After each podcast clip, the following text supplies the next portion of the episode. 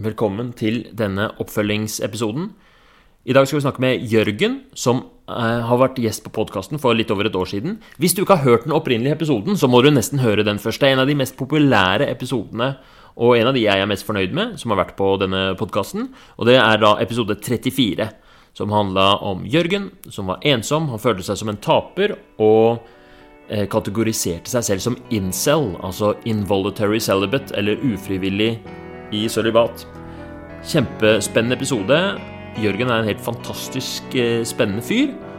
Og det skal bli utrolig gøy å høre hvordan det går med Jørgen nå, over et år etter vår forrige samtale.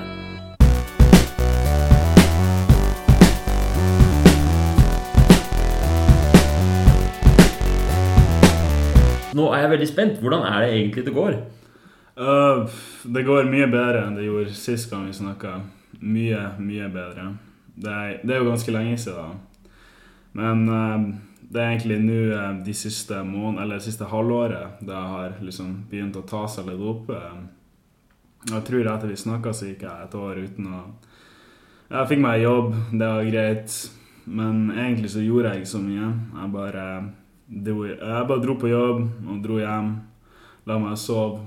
Og så og så gjorde jeg ingenting, liksom, nesten. Jeg dro for det. Jeg, jeg var for det meste bare rett frem og tilbake, frem og tilbake. Nesten som jeg ikke eksisterte, liksom. Jeg Ja.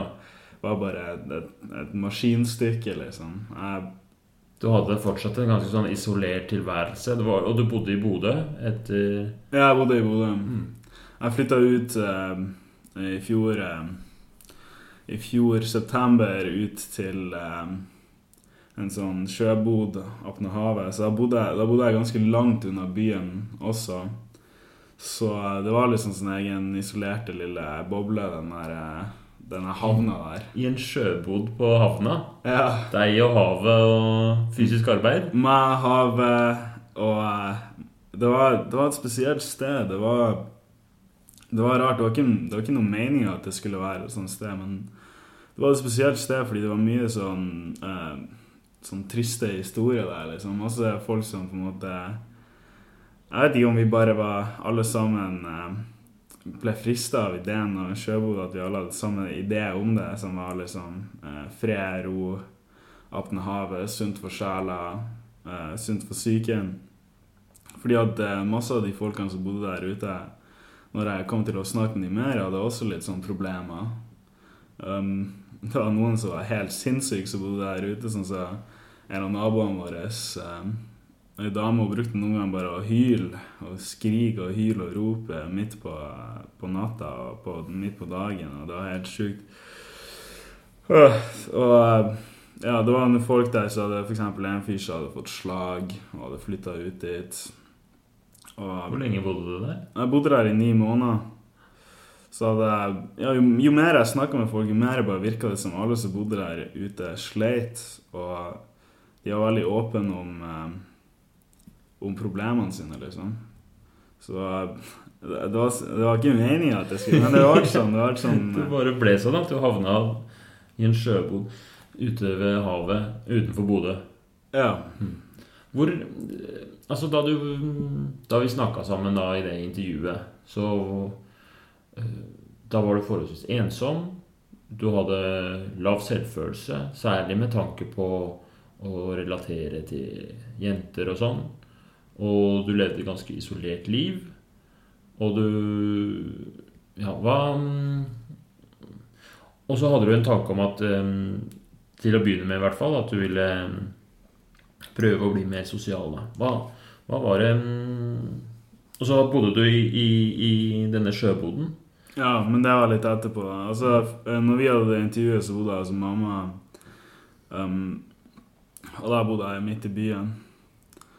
Uh, men uh, ja, etter uh, vi snakka, så prøvde jeg jo å bli mer sosial. Det var liksom et poeng med det. Men det var noe rart med det. Det var liksom Jeg var fortsatt ganske tilbake i samfunnet etter denne isolasjonsperioden som jeg hadde gått igjennom. Så jeg var liksom fortsatt veldig sosialt ustemt og veldig paranoid på folk liksom, og generelt. um, Mm. Jeg tror noe folk som isolerer seg helt komplett, uh, opplever, er at uh, når de kommer ut blant folk igjen, så føles det ikke så naturlig, liksom. Det, det er føles, fremmed, liksom? Ja, det er, det er, liksom som å være omringa av masse, masse, ting som liksom skremmer deg. Masse, liksom alle folk skremmer deg litt. Grann. Uh, jeg kunne gå forbi folk på gata og så plutselig få sånn her, sånn her panikkangstanfall. Mm. Sånn, uh, sånn, sånn, fysisk angst som uh, gjorde sånn at jeg ble tungpusta og sliten og fikk hjertebank. Og det tok ganske lang tid før det her for bort. Ja. Du, hadde, du hadde sosial angst? Ja, rett og slett. Men det var mer, det var mer panikkangst. Mm. For det var ikke hele tiden, liksom. Det kom sånn av og til. Ja, og men det var alltid i forbindelse med at du var ute blant folk? Det er Ikke nødvendigvis, men det kunne komme når som helst. Eh. Men jeg opplevde det ofte Ja, altså de gangene jeg merka det mest, liksom Det kunne skje mens jeg bare lå i senga hjemme liksom og stirra i taket. Plutselig så bare skjønte jeg at oh my god, nå skjer det, liksom. Og det var ingen grunn til at det kom. Det var ingen eh, spesifikk ting jeg tenkte på, eller Mm. Noe jeg så. Det bare uh, var helt tilfeldig. Det kom ut av ingen steder. Utrolig plagsomt, da. Og... Ja, det var det. Også, og det var ekstra merkbart når jeg snakka med folk, fordi jeg kunne ha en vanlig samtale med en person, og så plutselig så bare boom. Uh, Nå får jeg det, liksom. Mm. Jeg tror det var veldig rart for folk rundt meg, fordi da var det sånn uh, Plutselig så begynte jeg liksom ville trekke meg bak. Uh, bli litt ufokusert, og liksom, kunne, folk kunne garantert se på meg at jeg plutselig liksom var redd. Um, så, var den der at du flytta til den sjøboden, var det litt sånn flukt fra folk òg, eller? Altså, ideen Jeg håpte, jeg håpte at når jeg flytta til sjøboden, at at uh, at å bo såpass langt ute i et, på et såpass fint område skulle være eh, bra for meg, litt sånn psykisk. Um, men eh, det hjalp ingenting når det kom til det. Det var egentlig Og så var det også fordi det var billig. Mm. Så, um, men uh, ideen var flytt flytte i natur. Eh, liksom Omringa av natur og lett tilgang til fjellturer. Fjellturer rett åpne. Um, og liksom litt utafor byen, liksom. Rolig. Og, men det var egentlig ikke Det gjorde egentlig ingenting for meg sånn, sånn der sett. Altså, jeg måtte jo flytte ut uansett, men sånn uh, De tingene jeg trodde jeg trodde det skulle hjelpe meg, det hjalp ikke. Mm. Men shit. Så uh, Og så flytta jeg tilbake da i um, sånn mars dette året. Ja. Det er det siste halvåret da ting har liksom begynt å forbedre seg. Men det var ikke pga. noe egen eksponeringsterapi eller noe sånt her. Fordi jeg vet ikke, jeg tror, jeg tror angsten min var for ille for at jeg kunne liksom bare være med folk, eh, og så komme til å gå bort, liksom. Det var, jeg måtte ta en litt mer metodisk eh, Jeg måtte bruke litt mer sånn psykologmetoder på den. Ja, hva er det det For jeg tenkte på det nå når jeg hørte på det første intervjuet, at eh, eh selv om vi hadde veldig fokus på hva du skulle gjøre og hva du ville og sånn, så var det jo Eh, en del hint der til at du kanskje hadde slitt med depresjon på et tidspunkt, og at eh, nå beskriver du ganske mye angst og sånt. Også, eh, og, og, angstsymptomer og panikkangst, som er jo Det er jo ting som Ja, som du sier, man burde jo ha hjelp av psykolog og lege og Ja. Ja. Men eh, vi har litt problem med den psyko psykologiske tjenesten vår i Norge, fordi at du må dra til fastlegen din for å få en uh, en henvisning. Og hvis du har uh, uflaks med fastlegen din, så kan det være at den personen ikke vil henvise deg. Jeg husker første gangen jeg dro til uh, fastlege fordi jeg liksom Jeg hadde en sånn idé om at det var noe galt. Um, jeg hadde helst lyst til å prøve å jobbe gjennom det sjøl. Liksom, jeg hadde en sånn idé om at ja, nå skal jeg liksom ta det på strak hånd. Jeg skal ta det sjøl, liksom, gjøre det 100 sjøl. Uh, men så ble jeg litt desperat etter hvert, fordi det ble bare verre og verre.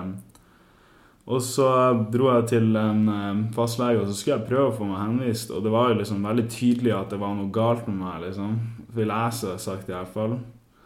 Uh, men uh, den fastlegen hadde ikke Den nekta å henvise meg, liksom. Ja. Så følte du deg kanskje avvist og ikke helt forstått, da. Ja, eller på en måte hennes idé var at eh, ja, nå som du har jobb og eh, sånn her, så kommer det til å bli bedre av seg sjøl, liksom. Så uh, jeg tror det kanskje funka med noen, liksom. Men uh, var, jeg trengte definitivt litt mer hjelp, for å si det sånn. Uh, så til slutt så gikk jeg direkte til legevakta, og så bare sa jeg at liksom, nå er det- på vei å klikke for meg, liksom. Og da ble jeg sendt til eh, akutten. Eh, ikke inn i akutten, men til en sånn samtale der. Og så ble jeg henvist der, fra der til psykolog. Så det var liksom masse sånne her hoops jeg måtte hoppe igjennom bare for Ja. å få en psykolog. Altså, det er veldig lett for folk å si å, bare få en psykolog, men eh, jeg tror ikke de folkene innser at det ofte kan ta kjempelang tid før du får den hvis Mm. du blir henvist fra lege. Det er terskel både i form av hva du må gjøre for å komme dit, og tid, og, og Ja, noen som opplever at man får ikke Man må liksom Man må på en måte bevise at man er dårlig nok. Ja, og hvis du har angst, eh, så er det ikke kanskje at du klarer å utdype deg fullt eller, eller konfrontere legen din liksom, og si at eh, Fordi eh, det er noe av det viktigste jeg merker med leger. ikke ta det personlig. Men noen ganger så må man eh, virkelig krangle med dere for å få den tingen som man burde få, liksom. Det virker som at iallfall noen leger eh, holder tilbake på ting. Eh, så eh, hvis man har angst Jeg tror angst er den kjipeste eh, lidelsen av når du skal deale med leger å gjøre, fordi det gjør sånn som Ja. Ja, det gjør sånn som du ikke eh, Ikke den kjipeste, men, Jo, jo, men utrolig kjip. mm. Fordi at uh, sånn som legesystemet vårt er satt opp, så er det ofte at man må krangle for å få de tjenestene man, man har lyst på. Og hvis man ikke har den eh, kapasiteten til krangel, så kan det godt være at uh, du drar til legen din, og så blir du avslått. Og så må du vente flere måneder før du eh, samler opp gutset til å prøve det samme på nytt igjen. I mellomtiden så har du stanga og hatt masse panikk og masse symptomer og Ja, kanskje fått det verre. Mm. ja. Og plutselig bare start, hadde fått starta den der prosessen til henvisning så fort som mulig, hadde vært utrolig nyttig for meg. Mm. Men istedenfor så gikk jeg rundt og surra i et uh, halvt år til liksom, før jeg gjorde det samme på nytt igjen, bare at denne gangen dro jeg til legevakta. Og så Altså, det er lett for folk å bare si om psykolog. Jeg tror ikke de forstår uh, hvor vanskelig det faktisk kan være å få en psykolog. Og bare også når du etterpå har sittet på Etter du har sittet på ventelista, så tar det jo kan, tar det, kan det jo ta et år før du får en, liksom. Så Og så eh, å betale for sjøl privat, det er jo steindyrt, så Mm. um, Det er liksom veldig vanskelig å Ja. Ja, jeg tror, du, jeg tror det er mange som føler på akkurat det. Tror jeg, og jeg tror ikke det er det eneste, og det burde ikke være sånn. Nei, nei. Men samtidig så er vi jo heldige at vi har um, det, Jeg tror det er en av de mest altså, Fordi at hvis man går og ser på hva andre folk sine opplevelser med psykologer er, så er det liksom alltid den eh, lille greia med at de må betale psykologen sin. ikke sant? Det skaper en slags sånn mistro fra starten av, fordi du er en person som kjøper en tjeneste fra en annen. Så det er utrolig positivt i Norge at vi har en offentlig psykolog, altså at vi har offentlige psykisk hjelp. Fordi da drar du til psykologen, og det er aldri noe idé om at du skal betale noe. Så da, jeg- da er det mer en sånn naturlig sånn, en person som skal prøve å hjelpe en som lider. Ja. Uh, spesielt når man har angst, så er det ofte man kan bli paranoid. Mm. Hvordan var det for deg, da? Fortell hvordan uh, Fikk du snakket med en psykolog, og hvordan Ja, um, til slutt så fikk jeg Det er også noe så irriterende med systemet, at um, man ofte ikke får tildelt en, en sånn psykolog først. Man får kanskje en uh, sosiolog eller uh, noe sånt først. Og sosiologer hjelper sikkert veldig bra for noen, men uh, det var ikke det jeg trengte. Jeg trengte en psykolog. Så jeg fikk først en sosiolog, og han liksom Han var han hjalp meg litt sånn, fordi det var Det her var um, øyeblikket når jeg, når jeg skulle inn i en ordentlig jobb for første gang. Fordi at uh, før det så hadde jeg jobba i Nav i sånn tre måneder. Fordi at uh, jeg fant det veldig vanskelig å liksom Med to års gap på, på eh, CV-en, og jeg var sosialt ustemt, nervøs og sånn her, så det var veldig vanskelig for meg å på en måte gå få jobber. Så jeg gikk rett til Nav, og så spurte jeg dem om jeg kunne om jeg kunne få jobb ifra bare hva som helst, bare gi meg liksom hva som helst, bare noe å gjøre. Så jeg drev og jobba i Nav-tjenestene i en periode. Uh, først så var jeg på program i Bodø som heter Smart ungdom. Uh, jeg fant ut senere at Smart ungdom er en slags sånn filtreringsprosess der de filtrerer ut de som ikke engang gidder å møte opp på morgenen, og sånn her, med de som faktisk har lyst til å få seg jobb. Så jeg var der i, i, i en måned, og så, fant, og så fant jeg ut at jeg møtte opp hver gang og gjorde jobben jeg skulle gjøre, så da ble jeg sendt i en litt mer sånn uh, eksklusiv uh, sosialtjeneste. Det å, å være um, Kjøre rundt i byen uh, og tømme søppelboksene. Mm. Så det, det, det, gjorde jeg Ja, vi drev også og rydda veldig mye opp etter romfolkene i Bodø. Okay. Så det var mye sånn veldig interessant arbeidsopplevelse, egentlig, fordi at vi liksom Vi kom ut på sånne fine turområder til i Bodø som hadde blitt komplett besudla og var full av det var liksom do midt på uh, området. Men allikevel så var det liksom menneske... Vi måtte rydde opp menneskeskitt fordi folk klaga over at um, hundene deres liksom spiste det og rulla mm. seg i det. Og sånn her. Og så var det mye tyvegods der også, mm. som vi måtte rydde ut. Så det var sånn um, Det var sånn redningsaksjon av sånn uh, bilbatteri og, og barneski. Og masse sånn ski. Utrolig mye ski og, og sånn skisko og sykler og sånne greier. Mm. Men ja, iallfall. Jeg jobba der. Og så og så, jeg, og så, var det en fyr der som bare jeg bare spurte sånn Vær så snill, gi meg en ordentlig jobb. Vær så snill, vær så snill, vær så snill. vær så snill. Jeg er så lei av å jobbe i i liksom Nav og få betalt chicklets, liksom. Sånn mm. ingenting, nesten. Og, og um, til slutt så var det sånn Nei, jeg tror ikke du er klar, jeg tror ikke du er klar. Men så var jeg sånn Den eneste måten å finne på om jeg er klar, er hvis um, Hvis du gir meg en sjanse, liksom. Og så til slutt så gjorde han det. Og sånn Det var uh, han refererte meg til en sånn uh, vikararbeider vikar, Vikarselskap som heter People i Bodø. Um, og, og, tilbake til det vi snakka om i stad. Så det var når jeg skulle starte på det vikarbyrået, at jeg fikk en uh, terapeut. Og uh, han var sosiolog, men var, det var viktig Det var veldig bra for meg akkurat da, fordi at stedet, vi snakka mindre om sånn psykiske greier og bare bare sånn Ok, hvordan skal du liksom passe inn i denne arbeidsdynamikken? Fordi at nå skal du inn i liksom en utrolig sånn maskulin uh, arbeids... Uh, fordi det var, det var, ikke en eneste dame som jobba der, liksom. Det var, det var utrolig maskulint. Så liksom han prøvde å fortelle meg liksom Eller fortalte meg, så vi gikk gjennom en sånn Hvordan skal jeg passe, prøve å passe inn her så mye som mulig? Så at uh, Fordi at noe ofte hadde problemet når jeg ble nervøs, var at jeg snakka ekstremt mye. Og liksom, uh, så jeg måtte prøve ja, Konklusjonen som vi hadde, uh, var da at uh, når jeg skulle gå inn dit, så skulle jeg her demonstrere gjennom arbeidet mitt først at hvorfor de, hvorfor, de, skulle akseptere meg i ja. gruppa deres. Og så Hva var det slags arbeidsoppgaver fikk du der, da? Nei, Første jobben min det var en marerittjobb. Herregud. Det var jeg husker jeg, jeg, Fordi jeg dro til People Intervju og så hadde jeg intervju, og så Men så fikk jeg aldri egentlig vite hva slags type altså, sånn, Jeg fikk sånn, en sånn vag idé om hva slags type arbeid det var. Det var mest sånn eh, fysisk arbeid. Um, sånn hjelpemann-type arbeid. Og, um, og, så, og, så, og, så, kommer jeg dit, og så har jeg sånn kurs.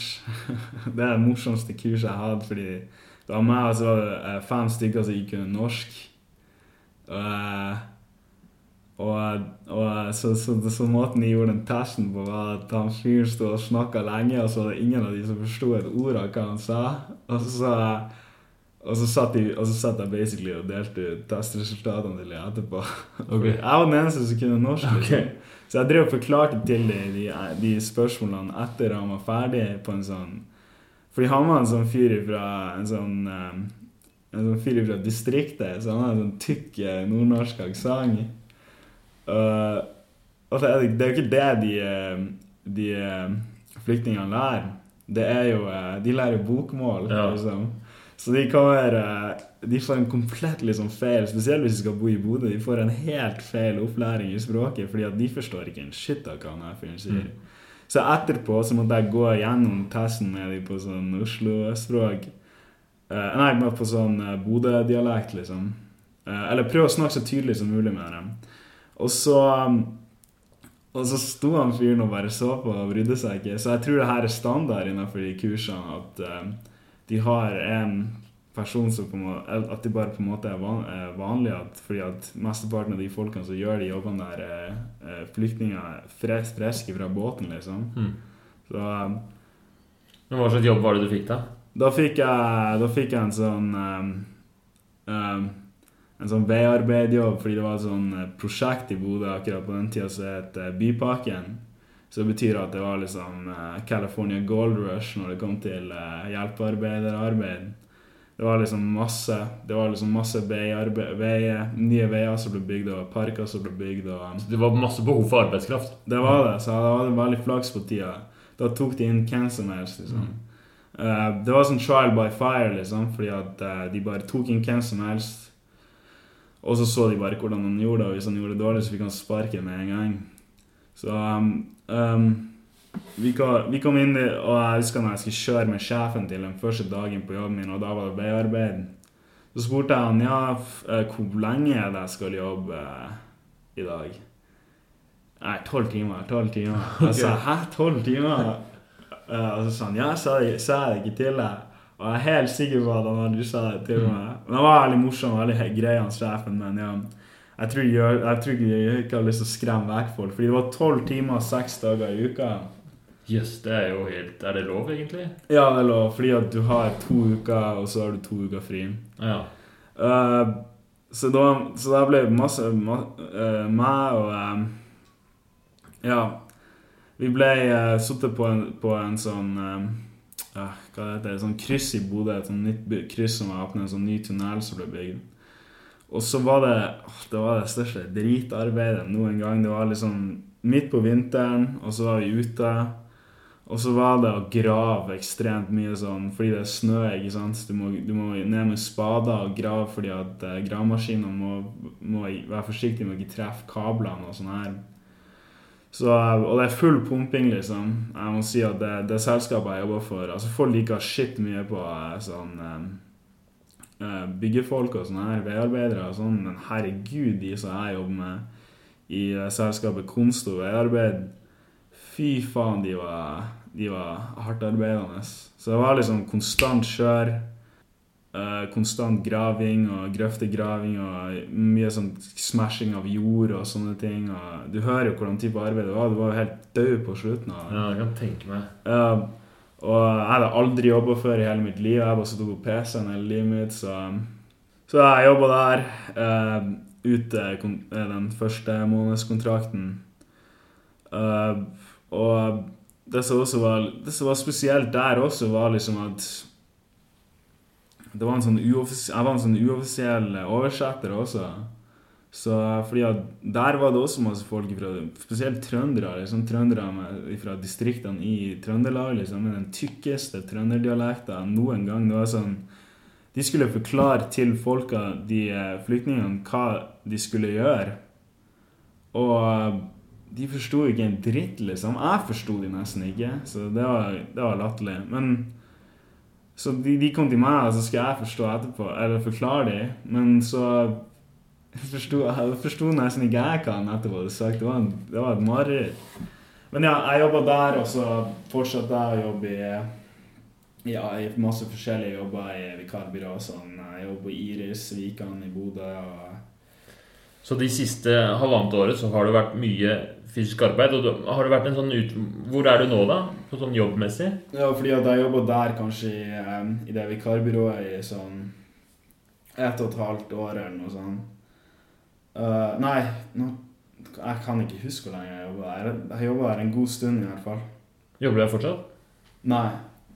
Nei, fordi at uh, uh, Den siste jobben jeg hadde der, var sommer i forfjor. Nei. Jo, det var sommer i fjor. Det var den siste jobben jeg hadde der. Etter det så dro jeg til Shell fordi at jeg så at Shell hadde en sånn De hadde en sånn krise på De klarte ikke å finne folk, liksom. Alle drev og slutta og alt sånt her. Bensinstasjon? Ja. Så fikk jeg jobb der som nattevakt, sånn 100 Så da, da, var det liksom nok penger til at jeg kunne dra ifra den vikar... Fordi det var bra betalt, den vikarbyrået-jobben. Så da dro jeg Da dro jeg derifra til Kjell Stormyra i Bodø. Og så jobba jeg der eh, siden september i fjor til eh, Jeg jobber der fortsatt, men eh, jeg er sykemeldt akkurat nå fordi at jeg fikk en beinskade i eh, sommer. Ja. Så Eller en kneskade, da. Så eh, ja. Nei. Hvordan har det gått med psyken, da? Altså, hvis um, Altså Du har hatt perioder hvor du har vært helt apatisk, kanskje deprimert, og du har hatt angstanfall og hatt mye problemer med det, og så har du nå uh, snakker du med en psykolog nå for tiden, da. Hvordan, hvordan går det der nå? Ja, fordi det tok meg Det tok meg Jeg, fikk, jeg hadde han sosiologen som jeg snakka om, og så ble jeg på en måte utskrevet derifra fordi det var ikke så mye mer han kunne gjøre for meg med, med det som han kunne. Og så ble jeg referert til psykolog, men det tok en stund. Og så, på den tida når jeg skulle få en ny psykolog før, så starta jeg på Kjell Stormyra. Og da følte jeg et press for meg til å ta så mange vakter som mulig, liksom, fordi at jeg ville gjøre en god eh, Jeg ville at de skulle like meg der. La meg fortsette å jobbe der. Så eh, jeg liksom Jeg skulle egentlig få psykolog da, men så klasja alle liksom eh, vaktene mine med, med psykologen, fordi jeg jobba utrolig mye i denne perioden her. Um, så jeg mista, mista psykologrettighetene mine. Ja. Og så venta jeg til, uh, ja, til Var det litt at det var skummelt å gå til psykologen òg? Sånn... Nei, det var mer at bare at jeg, at jeg liksom Jeg følte Det var jo ikke sant. Altså Egentlig så hadde jeg så Jeg trengte ikke å ta alle de vaktene jeg gjorde. Men jeg var så redd for å få sparken, liksom. At, um, at jeg tok alt som jeg kunne få, liksom. Jeg ville bare liksom eh, At de skulle like meg så godt som mulig. Så um, så um, jeg mista kravet. Jeg mista det, men så fikk jeg det tilbake igjen i januar i fjor. Nei, i år, mener jeg. Og så var jeg ganske heldig fordi at um, Fordi at jeg fikk um, Jeg ble referert til De var full på sykehuset, så jeg ble referert til en privatpsykolog. Og, og det var en utrolig dyktig psykolog. Så da jobba vi liksom med angsten min. Og så fant vi også Og så har jeg også funnet ut mest sannsynlig at jeg har ADHD også. Så liksom Nå eh, Først så måtte vi jobbe igjen med angsten for at um, man, fordi at mange av symptomene på ADHD og angst er liksom De, de, de er like. Så det er, det er vanskelig å gi en eh, voksen person ADHD-diagnose hvis de har en ganske sterk angst allerede. Um, så vi jobba gjennom eh, angsten, da. Og så Og så eh, Ja, altså Vi brukte mange sånne metodikker som hun hadde da, i hvert fall. Og så ble jeg kjent med noen veldig gode folk. Uh, eller Det var egentlig folk jeg kjente fra før, men liksom jeg ble, fikk kontakt med dem igjen. Så jeg ble, jeg ble kjent med noen Nå har jeg noen ve veldig gode kompiser. liksom En veldig god sånn, sånn kompissirkel. sånn utrolig liksom, gode, gode folk. I Bodø? Ja. Så jeg har litt spredt litt rundt, men ja. Så nå er jeg utrolig Nå er, nå er jeg omringa av utrolig gode folk, og så samtidig på den tida så mista jeg mye vekt. Fordi jeg brukte å veie sånn 110 kilo, og nå veier jeg sånn 80, 80 kilo. Så jeg mista mye vekt også um, fra sommeren fjoråret til vinter, altså sommer i år. Uh, så, så det hjalp, fordi at da var mye mindre. Og liksom, her kommer den stygge tingen. da. Fordi at eh, etter jeg mista vekt, liksom, så eh, Jeg hadde ikke noe spesielt sånn personlighetsendring eller noe sånt her. Men eh, ja, jeg bare så mye bedre ut, liksom, sånn fysisk. Og eh, Og eh, hvis jeg hadde prøvd å liksom snakke med jenter før og sånn her, så, så så var det liksom som jeg vet ikke om det er noe Jeg tror det er sånn, en sånn ting som folk har generelt, men de har liksom en viss idé om hva slags um, Hva slags verdi de har, liksom. Og så kommer det opp en sånn tjukk, stygg jævel som jeg var på den tida. Uh, og jeg sier ikke at, eh, at det verste i verden er å være tjukk, liksom, men akkurat meg akkurat, altså Noen folk de kan bli tjukke, og de ser helt greie ut, liksom. Men akkurat eh, min, mitt Altså, meg, jeg tror jeg bare blir ekstremt stygg når jeg er litt tjukk. Fordi når jeg skulle gå og snakke med de damene, så uh, Eller bare prøve å snakke med damer, prøve å snakke med fremmede generelt, det egentlig var folk generelt, så følte jeg en veldig sånn kald, ekkel uh, tilbakemelding, liksom. Det var liksom Det var som å snakke med en vegg. Du ble avvist. Ja, rett og slett. Og spesielt hvis jeg var ute på byen og jeg skulle, jeg skulle prøve meg på damer, på dansegulvet eller whatever, liksom. Sånn stygt, ekkelt blikk sånn eh, Og det er mange ganger jeg ble liksom fortalt også at eh, Sånn som når vi sto i køen for til utestedet, at jeg ble fortalt at jeg var stygg og feit og sånn her. Er det sant? Så øh, jævlig kjipt. Ja, men det er liksom sånn for um, Altså, fordi jeg har aldri hatt en sånn um, Jeg har alltid hatt en som veldig sånn um, ute der personlighet, liksom, så jeg, har, har, jeg liker egentlig å snakke med folk. Jeg er egentlig en ekstrovert sånn totalt. Men uh, så jeg liksom jeg prøvde å snakke med folk uh, sånn fremmede og sånn hele tida, men det var bare veldig vanskelig, og det var bare veldig mange dårlige opplevelser, liksom.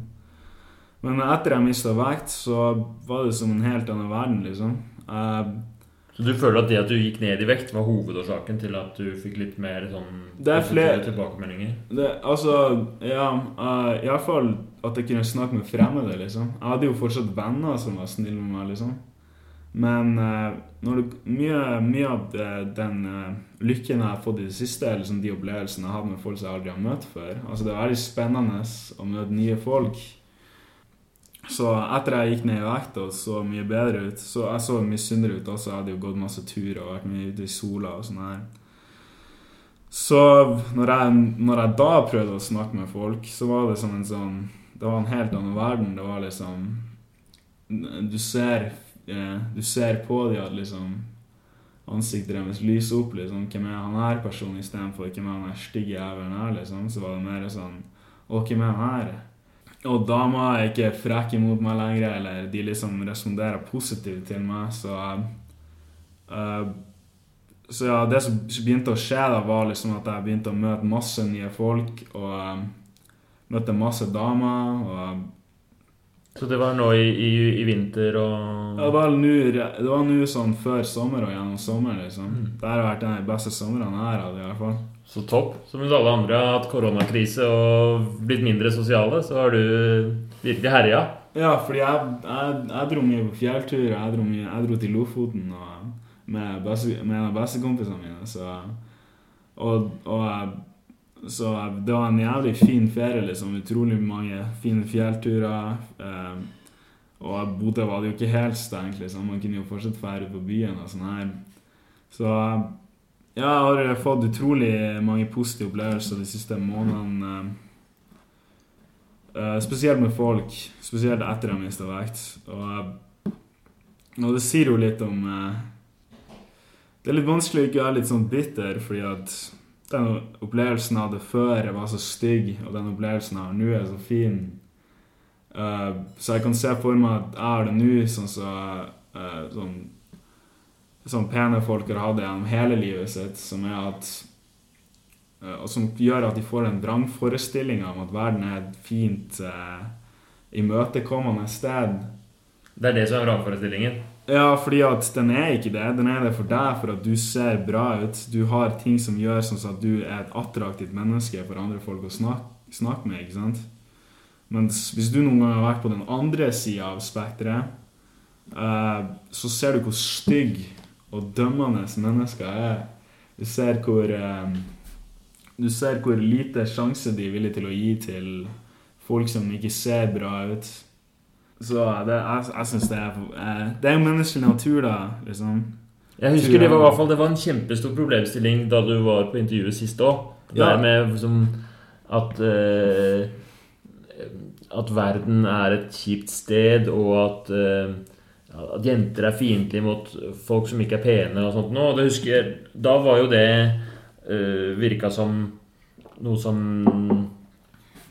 uh, hemma deg en del, da. Ja, fordi at ehm, Fordi at jeg ble jo behandla som en freak, liksom. Sånn eh, Jeg trodde jeg sa gale ting, eller whatever. Men jeg er liksom helt lik personlighet nå som jeg hadde på den tida.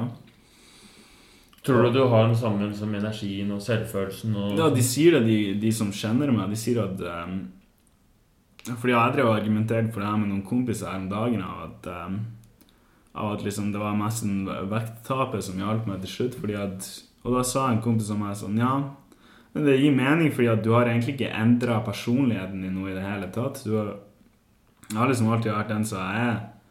Og altså forskjellen da til nå er jo at jeg er selvfølgelig mye mer selvsikker etter folk begynte å behandle meg bedre, liksom. Men eh, men da, da var det bare sånn hver gang hvis jeg, hvis, jeg, hvis jeg hadde en dag der jeg følte meg litt selvsikker, og så går jeg ut og så prøver jeg med folk, og så får jeg stygge kommentarer slengt i ansiktet mitt og liksom eh, en kald skulder, liksom. Eh, så du kommer jo ikke til å få et positivt syn på verden da. Nei. Altså, du kommer ikke til å få et positivt syn på folk heller hvis etterpå du har mista vekt. Så eh, merker du at de behandler deg helt annerledes, og, eh, og at nå er det superenkelt for meg med akkurat den samme personligheten å gå ut og liksom møte, møte damer og møte nye folk, liksom. Få nye relasjoner med folk. Altså, Nå har jeg et gigantisk sosialt nettverk i Bodø. Du har det, ja? Du er kongen av Bodø nå, egentlig? Ja, jeg har et svært sosialt nettverk, så nå kan jeg liksom pick and choose, liksom. På den tida vi snakka sist, så hadde jeg jo bare sånn én-to personer jeg kunne snakke til i Bodø, liksom.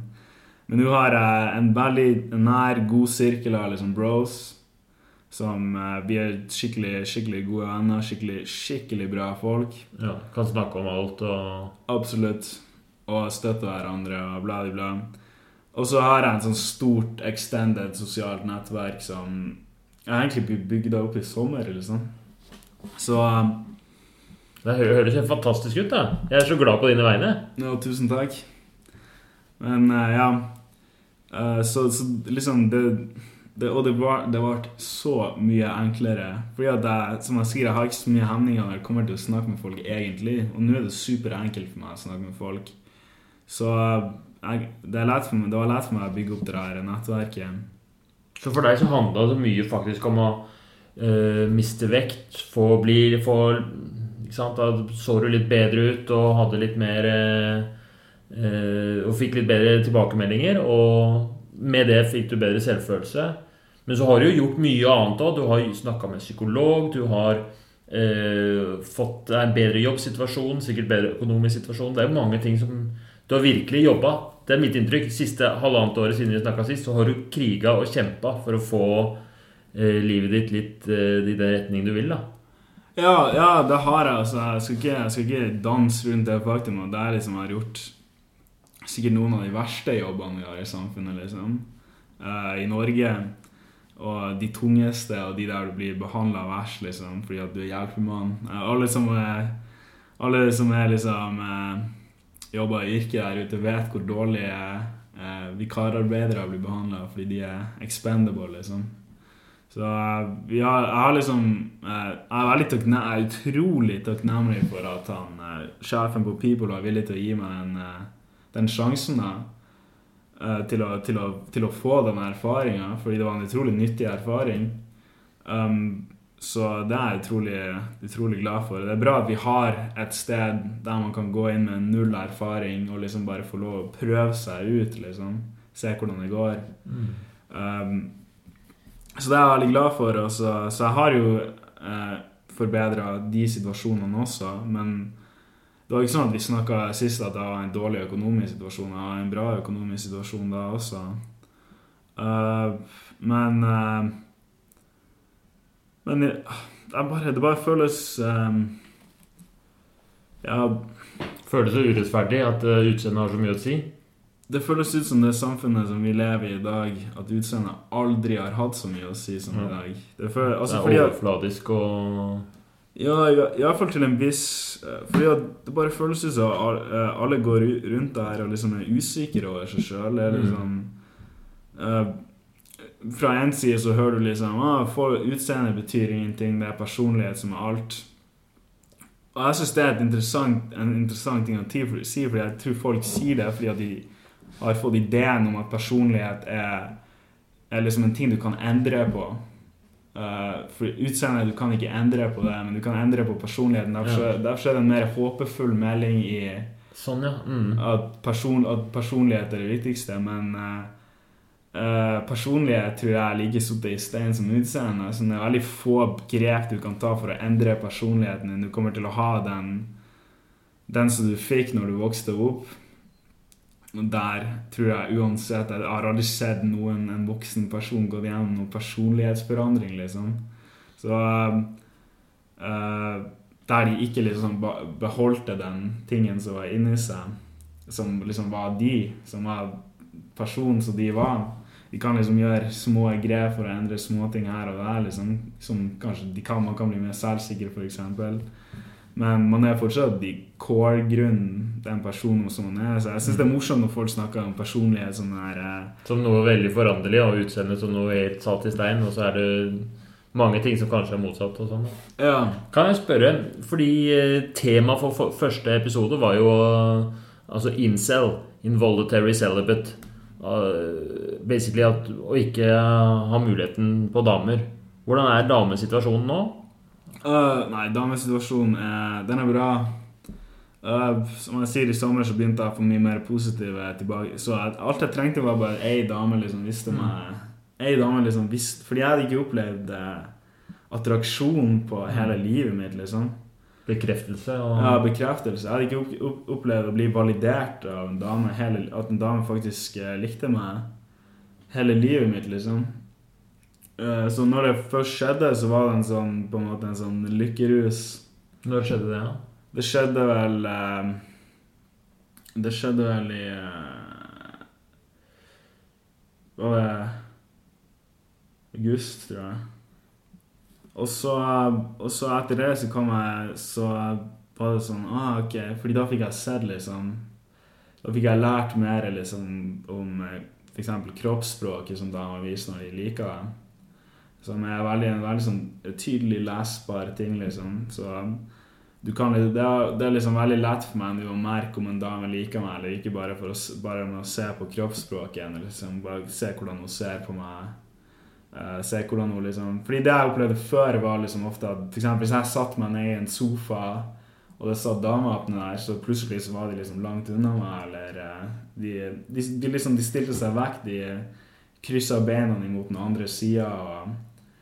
Og, sånne ting. Og så merka jeg også at f.eks. når um, folk tok bilder, så liksom var jeg ute av rammen. Okay. Jeg tror det er en av de, mest, en av de største liksom, tingene hvis du har lyst til å finne ut om du er en sosial outcast i gruppa di. Hvis, du, hvis, de tar bilde og ikke inkluderer deg i den Snapchat-videoen de skal se når de er ute mm. til alle folkene. Liksom. Og, men ja, uansett. Når, når damer begynner å ta bilder med deg, og de liksom de på en måte kommer imot deg. De liker nærværet ditt, liksom. De stiller seg imot deg, de ser på deg, de ser deg i øynene.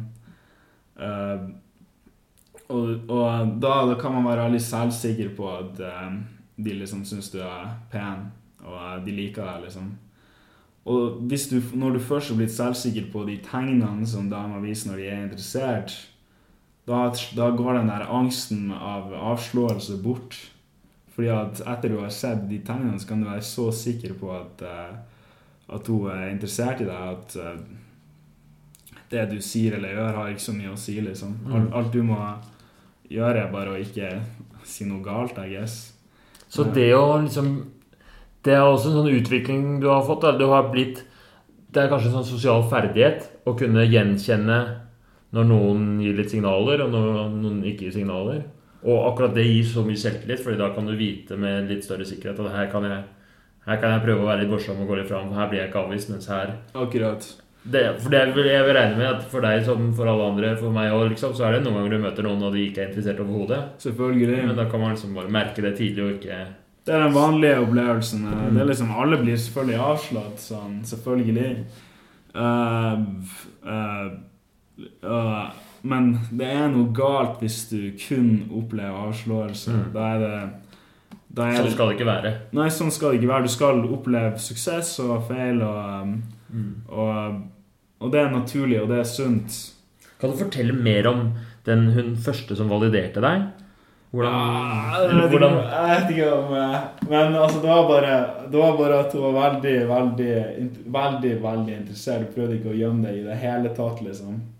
Hvordan Så- føltes det? Hvordan var det liksom å Nei, det var en sånn uh, utrolig god følelse, liksom, fordi at um, Det var liksom som å smake på en frukt jeg aldri Det var liksom Her har du en helt ny menneskelig følelse. Den heter validasjon. Den heter å bli validert og bli, å bli på en måte At noen er forelska i deg, liksom. At noen liker deg. Og at du kan se det så tydelig. Og det var sånn det, det, Jeg kom jo i lykkerus, fordi det har aldri skjedd med, med meg før. Hvor var du da du merka det, liksom? Eller når du skjønte det? Var det i Bodø, eller var det Nei, altså, det var i Jeg kan ikke si det, for jeg har ikke lyst til at det er den personen skal høre på og vite okay.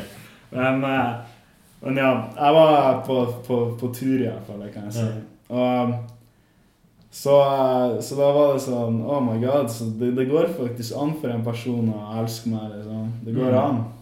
Det går an for meg å liksom få ei jente til å like meg. Liksom, det hadde du aldri opplevd tidligere? Nei, og liksom fordi jeg var usikker på liksom det, Hvis du snakker med f.eks. incel, så er den klassiske, klassiske opplevelsen mange av de har. fordi at mange incels er, er ikke stygge, noen av de er direkte kjekke, liksom. Uh, men, men av en eller annen grunn, spesielt uh, når det kommer til oppvekst, så var de kanskje en stygg unge eller tjukk unge eller bla, bla, bla, så de opplevde at eh, De opplevde den der opplevelsen som jeg hadde der eh, Damer eh, altså, Det er ikke kun damer, da, men folk generelt er litt sånn kald og avvisende imot dem. Eh, så har du et sånt preg av det når du blir eldre. Så det er vanskelig, uansett om du begynner å se, se bra ut når du blir eldre, så er det mange som gjør det, og så, men så er de fortsatt paranoide. Liksom, eh, fordi en klassisk liksom, incel-historie er at en dame later seg at hun likte deg. Liksom. Eh, for moro skyld. Liksom, for at det er morsomt liksom, se på han her eh, sosialt awkward eh, taperen her. Liksom. Mm. Og se hvordan han liksom eh, Se hvordan han reagerer når han tror at en jente Fordi mennesker er så stygge noen ganger. Du aner ikke spesielt unger. Mm. Så det var Eh, sånn kjempe, man, ja, mange som har sånne veldig dårlige opplevelser med at de blir avvist, eller kanskje føler seg lurt, eller at Lurt, manipulert og Ja. liksom Og er det For liksom- moro skyld, bare for Ja. en eller annen vits, bare for at noen, eh, så at noen av de attraktive folkene kunne ha det gøy. ja. Så, så mange, mange Brent barn skyr ilden. Mm. Jepp. Så hvis eh, Det jeg ser ofte, er at liksom incels blir eldre, og de voksne er inni kroppen sin. De mister vekt og begynner å trene eller whatever og, og gjøre sunne ting. Så stoler de fortsatt ikke på damer hvis de um, er interessert i dem. Fordi Mm. at um, de tror at Å, det her er en vits, liksom. Hvordan kan noen elske meg? Jeg er et monster, liksom sånn. Uh, Den derre underliggende Ja. øh, fragmenterte selvfølelsen, eller det derre sårede selvet, er Yep. Det blir sånn selvoppfyllende profeti sikkert òg, at eh, hvis du har blitt skikkelig såret en gang, og har den lave selvfølelsen, og ikke stoler på at noen kan like deg, så sender det jo sikkert signaler på en måte som gjør at det blir litt vanskeligere å like deg òg. Jeg tror at det er en eh, Ja, selvfølgelig er det det, men også at det er en rasjonell eh, sånn tankegang Eller en sånn Fordi hjernen din reagerer jo Altså det hele poenget med disse f.eks.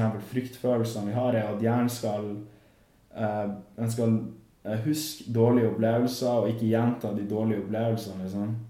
Så eh, hvis du hele livet ditt har blitt lurt og eh, gjort narr av og eh, liksom aldri hadde et tydelig tegn på at en dame liksom var interessert i dem, eh, Og det er det samme med damer også. Du har, du har liksom femcels også. Du har uh, dameincels. Um, så kommer du bare til å Du kommer til å ikke stole på dem når, de, når de faktisk blir interessert i deg. Fordi for, du har aldri lært deg å lese tegn på at de er interessert i deg. liksom. Det eneste, den eneste ideen du har av uh, hvordan uh, det ser ut når en dame er forelska, er liksom hvis du uh, Hvis du ser en film eller noe sånt her.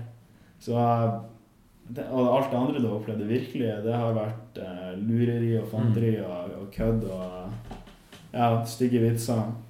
Så så det jeg ser, som jeg sier, er at voksne incels som kanskje forbedrer denne livssituasjonen deres, sånn her, de er også fortsatt eh, De eh, saboterer for seg sjøl fordi at eh, det er en veldig tydelig noen ganger damer er interessert i dem, og så blir de paranoid ja. og har bare lyst til å, å fjerne seg sjøl fra den personen fordi de er redd for det. liksom. Hva har forandra seg for deg da, etter at du fikk den derre endelig liksom den validasjonen eller den bekreftelsen fra hun dama? Ja, fordi at det, greia var at det var så tydelig at det var ikke noen måte for meg å liksom tenke meg klare, klare å skremme meg sjøl til å tro at det ikke var det. Så det var så tydelig. Og det var liksom ei søt jente også. Så var, var du interessert i hun òg, eller? Vi, har, vi, var liksom på et litt sånn spesielt sted, akkurat der. Um, men uh, Så vi gjorde, jeg gjorde ingenting med henne fordi at uh, vi var på sånne turgreier og sånne og dritsliten, liksom. Um, men um, hun er ikke fra Bodø. Og så um, Men det, bare det faktum at uh, liksom jeg fikk kosa litt og sånn her uh, Og bare Det var bare så hyggelig liksom å ha ei dame som likte deg, liksom. Og, og liksom få liksom, clean litt og sånne greier. Gjøre alt, og liksom, menneskelig kontakt. Alt sånne her ting som jeg aldri, og mange, mange folk aldri har opplevd, liksom, som er en så utrolig digg følelse. Og ingen folk som får den, kan si at den ikke er utrolig digg. Mm. liksom. Prøv å ta en av de uh, folkene som sier at uh, mennesker ikke trenger intimitet. Og uh, ta, ta vekk intimiteten deres, så skal de få se hvor lenge før de blir helt spinnville i hodet deres. Så, så, det var så utrolig digg, og, og liksom, jeg tror hjernen min følte Jeg fikk jo sikkert utløse utrolig mye sånn positive eh, Så når jeg kom tilbake til Bodø, da var jeg liksom en helt annen person når det kom til damer, fordi at nå visste jeg liksom hva tegnene hva jeg liksom, Nå vet jeg at en dame kan like meg, mm. så derfor så Derfor så kan jeg være svært sikker på at andre folk kan gjøre det også. Andre damer kan gjøre det også. Så da var jeg aldri redd for at uh, noen skulle kødde med meg eller lure meg eller noe sånt her. Uh, så når jeg kom tilbake til Bodø da, så var bare egentlig det jeg skulle prøve å gjøre, var å miste jomfrudommen så fort som mulig. Okay.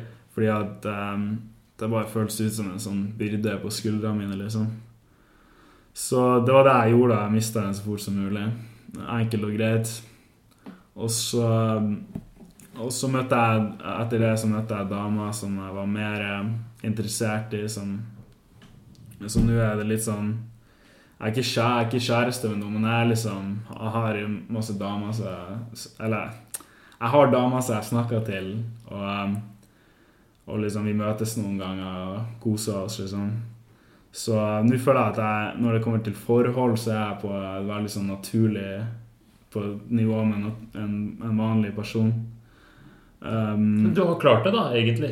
Ja, ja jeg har klart det veldig greit. Du har uh, gått fra å være en person som, hvor det var helt fremmed, og det, dette med intimitet og dating og jenter var liksom noe farlig, noe du var redd for, noe som ga deg masse stress, og sikkert Eh, medvirkende i angstfølelsen og sånt nå. Jeg skal spørre om etterpå. Men, men nå er du et, et, veldig positivt sted hvor du har selvtillit på det området, og du får dekket eh, behov for intimitet og Ja, fordi jeg har opplevd nå å bli elska, og jeg har opplevd å elske sjøl, og det er liksom avvæpnende.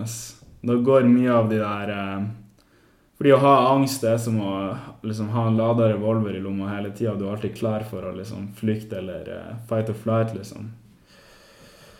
Uh, så nå som jeg liksom har blitt avvæpna litt av disse positive menneskelige følelsene, um, så føler jeg meg mye mer avslappa rundt folk. eh, mye mer naturlig, liksom. Nå føler jeg at å snakke med folk det er null problem. liksom. Det det enkleste i verden. Det er noe jeg liker å gjøre. Det er noe som gir meg energi. Så, så ja, akkurat denne situasjonen er jo helt eh, opp ned i forhold til det den brukte å være. Nå er det jo eh, mye, mye, mye mye bedre. Hvordan er det med angst og sånn nå, da? Får du fortsatt panikkanfall? Um, jeg kan få det sånn sporadisk sånn eh, her og der. eh. Men jeg får det veldig sjeldent i sosiale sammenhenger, fordi nå føler jeg meg veldig så, eh, eh, komfortabel i det. Så når jeg er i sosiale sammenhenger, da er jeg liksom skuldrene ned og slapper av. Men uh, jeg kan få det litt sånn uh, uh, For eksempel uh, For eksempel jeg og en kompis var på byen eh, eh, for noen eh, uker siden, ikke sant? Og så uh, havna vi i slåsskamp. Ja. Og eh, det var liksom også Det var selvforsvar fra vår side. Fordi det var, det var meg og han, og så var det fem av de. Hva skjedde? Hvordan starta det her, da? Nei, Det er en litt sånn spesiell historie, fordi at eh, Det var liksom eh, Ja, det var for noen eh, måneder siden, så eh, Så møtte jeg en sånn Jeg møtte en sånn eh, fyr som bi, og så skulle jeg bare Jeg, jeg liksom Jeg ble med han hjem, og så liksom eksperimenterte jeg litt. Grann. Men så eh, Men så fant jeg ut at det var ikke noe for meg, liksom. Eh, og så kom vi til det hotellet og vi skulle møte de guttene der, ikke sant. Og så eh, var de så De var så aggressive fra starten av. Det var så ekkelt. Vennene til han Det var vennene til ei venninne av meg. Eh, Det var, det var vennene til ei venninne av meg. Ja, de som var aggressive, de hadde ikke noe med han Eller hva var Nei, de kjente ikke han fyren som eh, han, han bi-fyren som jeg drev på litt med. mm. Og, eh, og de eh, De eh, var så kalde og ekle fra starten. Jeg vet ikke hvorfor. Um, men i hvert fall eh, Så jeg dro ut på verandaen, ikke sant? og så kom venninnene mine, og så drev jeg og hengte litt ute på verandaen. og sånn her. Det var på Scandic Hotel i Bodø. Så det er en sånn stor sånn glassirkel rundt, og så er det en sånn glassfirkant. Og så, men så dro vi tilbake inn igjen. Og så da var de bare hadde de, virka de fortsatt enda mer aggressiv, liksom. Så jeg skulle liksom fortelle denne historien om denne, her den artige eh, liksom, homoopplevelsen jeg hadde. Uh, men de bare switcha helt sånn. sånn eh, Bokstavelig talt gikk fra 1 til 100, eller fra 50 til 100 i hvert fall. Fordi de ble aggressive med en gang. Og jeg trodde ikke at sånn Jeg er jo ikke homo, men jeg trodde ikke at eh, homofobi var liksom sånn at du blir angrepet på byen fortsatt var en ting for å være, for å være homo, liksom. Men plutselig så har de bare gønna seg sjøl opp helt, og eh, Og han ene fyren bare sånn Ikke ta på han, ikke ta på han. Jeg var sånn What the fuck er det du snakker om? Og så, og så reiste kompisen min seg opp, og så gikk han imellom oss, og så og så tok han fyren og dytta meg. Og så det Og så tok han og slo Tok og sucker puncha meg i kjeven. Um, og, og da sto, da, kom, da sto han kompisen mellom og bare sånn øh, øh, Ikke gjør noe, ikke gjør noe. Og så snakka jeg med Og så, og, og så så jeg Og så var, så jeg venninna mi, og de bare sånn Nei, nei, nei. nei, Og så, men jeg tenkte sånn i hodet mitt at hva er det her slags eh, liksom, dritt, dritt Slår meg for at jeg fortalte dem en sånn her historie. Skal jeg liksom la meg sjøl bli ydmyka nå på den måten der? Liksom ingen, ingen god grunn til å slå meg i det hele tatt, liksom. Så eh, jeg tok kompisen min på skuldra og så sa jeg til han at eh, nå kommer jeg til å angripe han, liksom. Og så spurte jeg om han kom til å beskytte meg ifra, bakfra, liksom. Og så eh, Og så og han kom liksom svarte ikke, men jeg bare tok det som et ja. så han sto og blokkerte, ikke sant, og så prøvde jeg liksom å komme meg rundt han, og så slo, tok jeg slo til han fyren, men så eh, tok han og dytta handa mi, så jeg bomma litt, grann, så snitta trynet hans. Og da begynte han fyren å flire. Og så tok jeg og ropte eh, på toppen av lungene mine jævla homofob, liksom. Sånn at alle hørte det i eh, restauranten. Vi, jo, vi jo, eh, hadde jo drukket da. Og Det var, midt, det var i restauranten? Ja, det var midt på Scandic Hotel, på toppen av Scandic Hotel. Og så skrek jeg ut 'jævla homofob', og så tok jeg så tok en skikkelig bra sånn right hook eh, til han. Og, og herregud, han ble liksom Han ble knocka bak, men så skulle han komme for å ta meg. Men da tok jeg tak i skjorta hans, og så, og så fikk jeg ned på bakken, og så banka jeg han opp. Så, men så var det noen som kom bakfra og tok meg i sånn chokehold. eh, eh, og, så, var, og så holdt de meg, men så ble jeg sluppet løs, og så begynte jeg å slåss med noen andre av de, og så ble jeg tatt i chokehold bakfra igjen, fordi de var jo fan, og vi var jo to. Og så var jeg på vei å bli kvalt ut, liksom. Uh, så begynte det å bli svart. Og, men så ble jeg sluppet løs igjen fordi han kompisen min hadde, som hadde ryggen min, han drev og hjalp meg ut av, ifra de der. Og så, eh, når jeg reiste meg opp, så var det sånn, sånn, sånn helt rart sånn, sånn eh, Helt stille, masse folk som sto rundt, og så var det bare knust glass overalt. Og liksom bordet som hadde blitt dytta ned. Og det. Men ja, da fikk jeg panikkangst etterpå. Mm. Lenge. Men det, var litt mer, det ga mer mening. Eh, Ja, det høres ut som en veldig skremmende opplevelse. ja, ja så, um, så da fikk jeg ikke sø på, på en, en uke, nesten en uke. Når var det her? Det var for um, Det var i juni. Ja. Så Så men, men det, jeg får veldig sjelden den der sporadiske Den som kommer ut av det blå. Jeg kan få den når jeg, får, når jeg får den, så får den mest for meg sjøl. Mm. Men den har blitt så ekstremt mye. Den er så mye mer sjelden enn den brukte å være. Så, så terapien min og de positive opplevelsene jeg har, jeg har hatt, de har hjulpet veldig mye. Jeg, jeg vet ikke, altså Kanskje ideen sikkert med i den første episoden om å møte folk uh, var jo at jeg skulle liksom få disse her positive opplevelsene. liksom Dra ut, eksponere deg sjøl, få positive opplevelser. Men greia med eksponeringsterapi, spesielt i uh, sånne usjekka områder, er at du kan gå ut og få negative opplevelser. Ja, ikke sant? Ja, Ja, det er fordi en, en ting er å eksponere seg, men det er så viktig å få den der mestringsfølelsen eller få gode opplevelser. ja.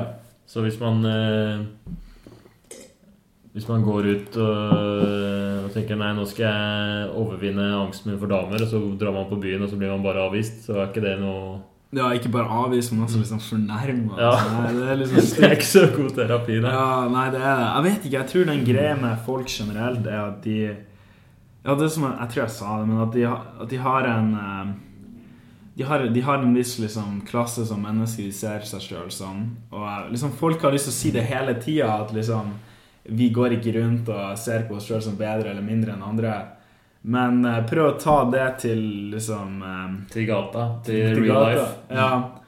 Og Det er et hierarki, på en måte, det du beskriver. At, yep, det, yep, yep. Altså, mer suksessfulle og kjekke folk eh, eh, De går inn med andre mer suksessfulle og kjekke folk mesteparten av tida. Altså, det er en sånn slags eh, eh, Ja, altså, hvis du på en måte prøver å bryte den Hvis du er lavt og du prøver å gå opp, så kommer du til å Da tror jeg kanskje de folkene som er litt over deg, kommer til å tenke at uh, hvorfor kommer han her på meg? Jeg anser meg sjøl som det her, og han der fyren er det der. Og sånn er det også, også med gutter og jenter, liksom. Det er ikke en kjønnseksklusiv ting, liksom. Det er en mennesketing. Eh, Når en gutt liksom føler at en jente som er under seg, kommer på han, så ser du han ofte sier det samme, liksom. Så eh, Eller si det. Du ser det i, handlingene deres. Men, men for deg så har jo dette handlet om mange ting, og eh, det har vært en voldsom utvikling nå siste halvannet årene siden vi snakka sist. Uh, gjort liksom, framskritt på uh, Særlig sånn sosialt. da Gått fra å være ensom til å ha et rikt sosialt liv. Du har gått fra å ha, streve med angst og ikke ha noe særlig hjelp til å ha fått oppfølging av psykolog og sikkert lært veldig mye om deg selv gjennom det. Yeah. Og så har du hatt så masse positive opplevelser, og særlig den derre endelig på en måte kommet over en kneik da på dette med og, og, og forhold til en jente. Ja, ja absolutt. Så nå eh, Nå er det ikke noe problemer i det hele tatt få meg. Livet er perfekt. Ja. Og jeg har veldig gode kompiser. Veldig liksom Gode, lojale kompiser, liksom. Ja, de backer deg i slåsskamp til og med. Ja, vi backer hverandre. Vi backer, vi liksom får, det er viktig at man kan føle seg trygg med de nærmeste. Mm. Så jeg var veldig heldig sånn sett um, at jeg møtte disse folkene. Hva vil du nå, da? Um, vel, nå er det mest sånn um, Nå må jeg bare salvage. Eh, jeg føler liksom at det er en siste ting jeg må reparere. Liksom jobb, eh, fordi jeg kan ikke jobbe på Shell eh, på sånn nattevakt på Shell resten av livet, liksom. Så altså, noen folk gjør det, og det er greit for de, liksom. De, de det de, de føler seg tilpass i den jobben der, men jeg hater den jobben der. Jeg syns den er forferdelig. Det er liksom å jobbe på nattevakt på Shell Stormyra i Bodø Det er det verste stedet i Bodø fordi at det er så mye som skjer der, så mye vold, så mye eh, gærninger som kommer innom. Um, eh, Så du har en del sånn karrieremessige mål? ja, fordi jeg, jeg vil ikke liksom jobbe på natta lenger og liksom bli trua og, og trakassert og sånn her hele tida, Mm. liksom. Det, og det skjer Det skjønner jeg veldig godt. Ja. Ja, altså Fordi jeg blir ofte liksom trua på jobben. Jeg blir ofte, jeg blir ofte liksom eh, Eller mer trua, mindre trakassert. Men hvis noen for, først eh, får for seg at de ikke liker meg, så blir de skikkelig aggressive. Um, så jeg ble nesten rana også der. Så det er liksom Det er ganske skummelt å jobbe som nattevakt for Shell. Og du får inn masse sånne her eh, skikkelig sånne her tweaka ut sånn narkiser fordi at det er rett åpne sånn rehab eh, Eller ikke rehab, men sånn eh, boliger for dem. Og så er det rett åpne mentalsykehuset også i eh, Bodø. Så du får liksom inn veldig mye sånn eh, Det er jo noen av de som er veldig koselige, bare litt borte, liksom. Men så får du inn veldig mange sånn, sånn som, som stjeler og sånn her. Ja. Og så eh, Jeg har aldri blitt angrepet av noen av dem, men det, det kan være litt sånn her Oh my god. Kommer jeg til å bli stabba nå når jeg går og liksom spør han om å vise meg hva han har i lommene? Eh, så nei, jeg må få en ny jobb. Eh, det er hovedprioriteten min. Jeg trenger, jeg trenger en bedre jobb. Det skal ikke være kundeservice, fordi det eh, Jeg ser ikke ned på folk som jobber i kundeservice i det hele tatt, men det er bare ikke jobben for meg. Jeg bare eh, passer ikke inn i det. Og um, Og um, altså, jeg leter etter noe sånne yrkesgreier først. Eh, og så kanskje gå universitetet senere, men eh, akkurat nå så er jeg ute etter noe sånn Fordi jeg likte veldig godt den vikarjobben, selv om det var tungt. Jeg skulle gjerne hatt noe sånn her, bare at jeg ikke var vikararbeider, fordi da blir jeg behandla bedre. Og så eh, fast jobb selvfølgelig i selskapet, liksom, og med litt sånn her eh, maskinførersertifikat eller lastebilsertifikat eller noe sånn her. Noe sånn, en sånn skill. Ja. Så ja, noe, det er det jeg er ute etter nå. Etter um, Det er det jeg kommer til å gjøre nå. Det er det jeg kommer til å gjøre de neste månedene. Prøve å finne noen som å ta meg inn som, um, som lærling. Spennende. Ja. Har du, noe, har du en plan, liksom? Hva er, det, hva er det du gjør for å få det til? Jeg kjenner en som, som sa at han kunne Men man vet jo aldri. Får, liksom, de sier noe et øyeblikk, og så, og så bytter de mening neste. Så jeg skal fære og spørre han igjen når han snakka om at selskapene kunne dekke eh, Dekke lastebilsertifikat og maskinførersertifikat. Yes. Ja, og da går du inn i en kontrakt med en jobb så lenge kanskje du er lærling, lærlinglønn her. Uh, og så får du teamene timene dine, som er det viktigste. Du får Mm. Fordi å få maskinførersertifikat, for eksempel, det er veldig det er enkelt, men å få timene i det er vanskelig. Okay. Ja, fordi du trenger et selskap som er villig til å ta inn en komplett noob. De har liksom en unlimited supply av folk fra videregående som nettopp er ferdig og har fått timene sine som maskinførere. Så vi må prøve å gå inn i det markedet der.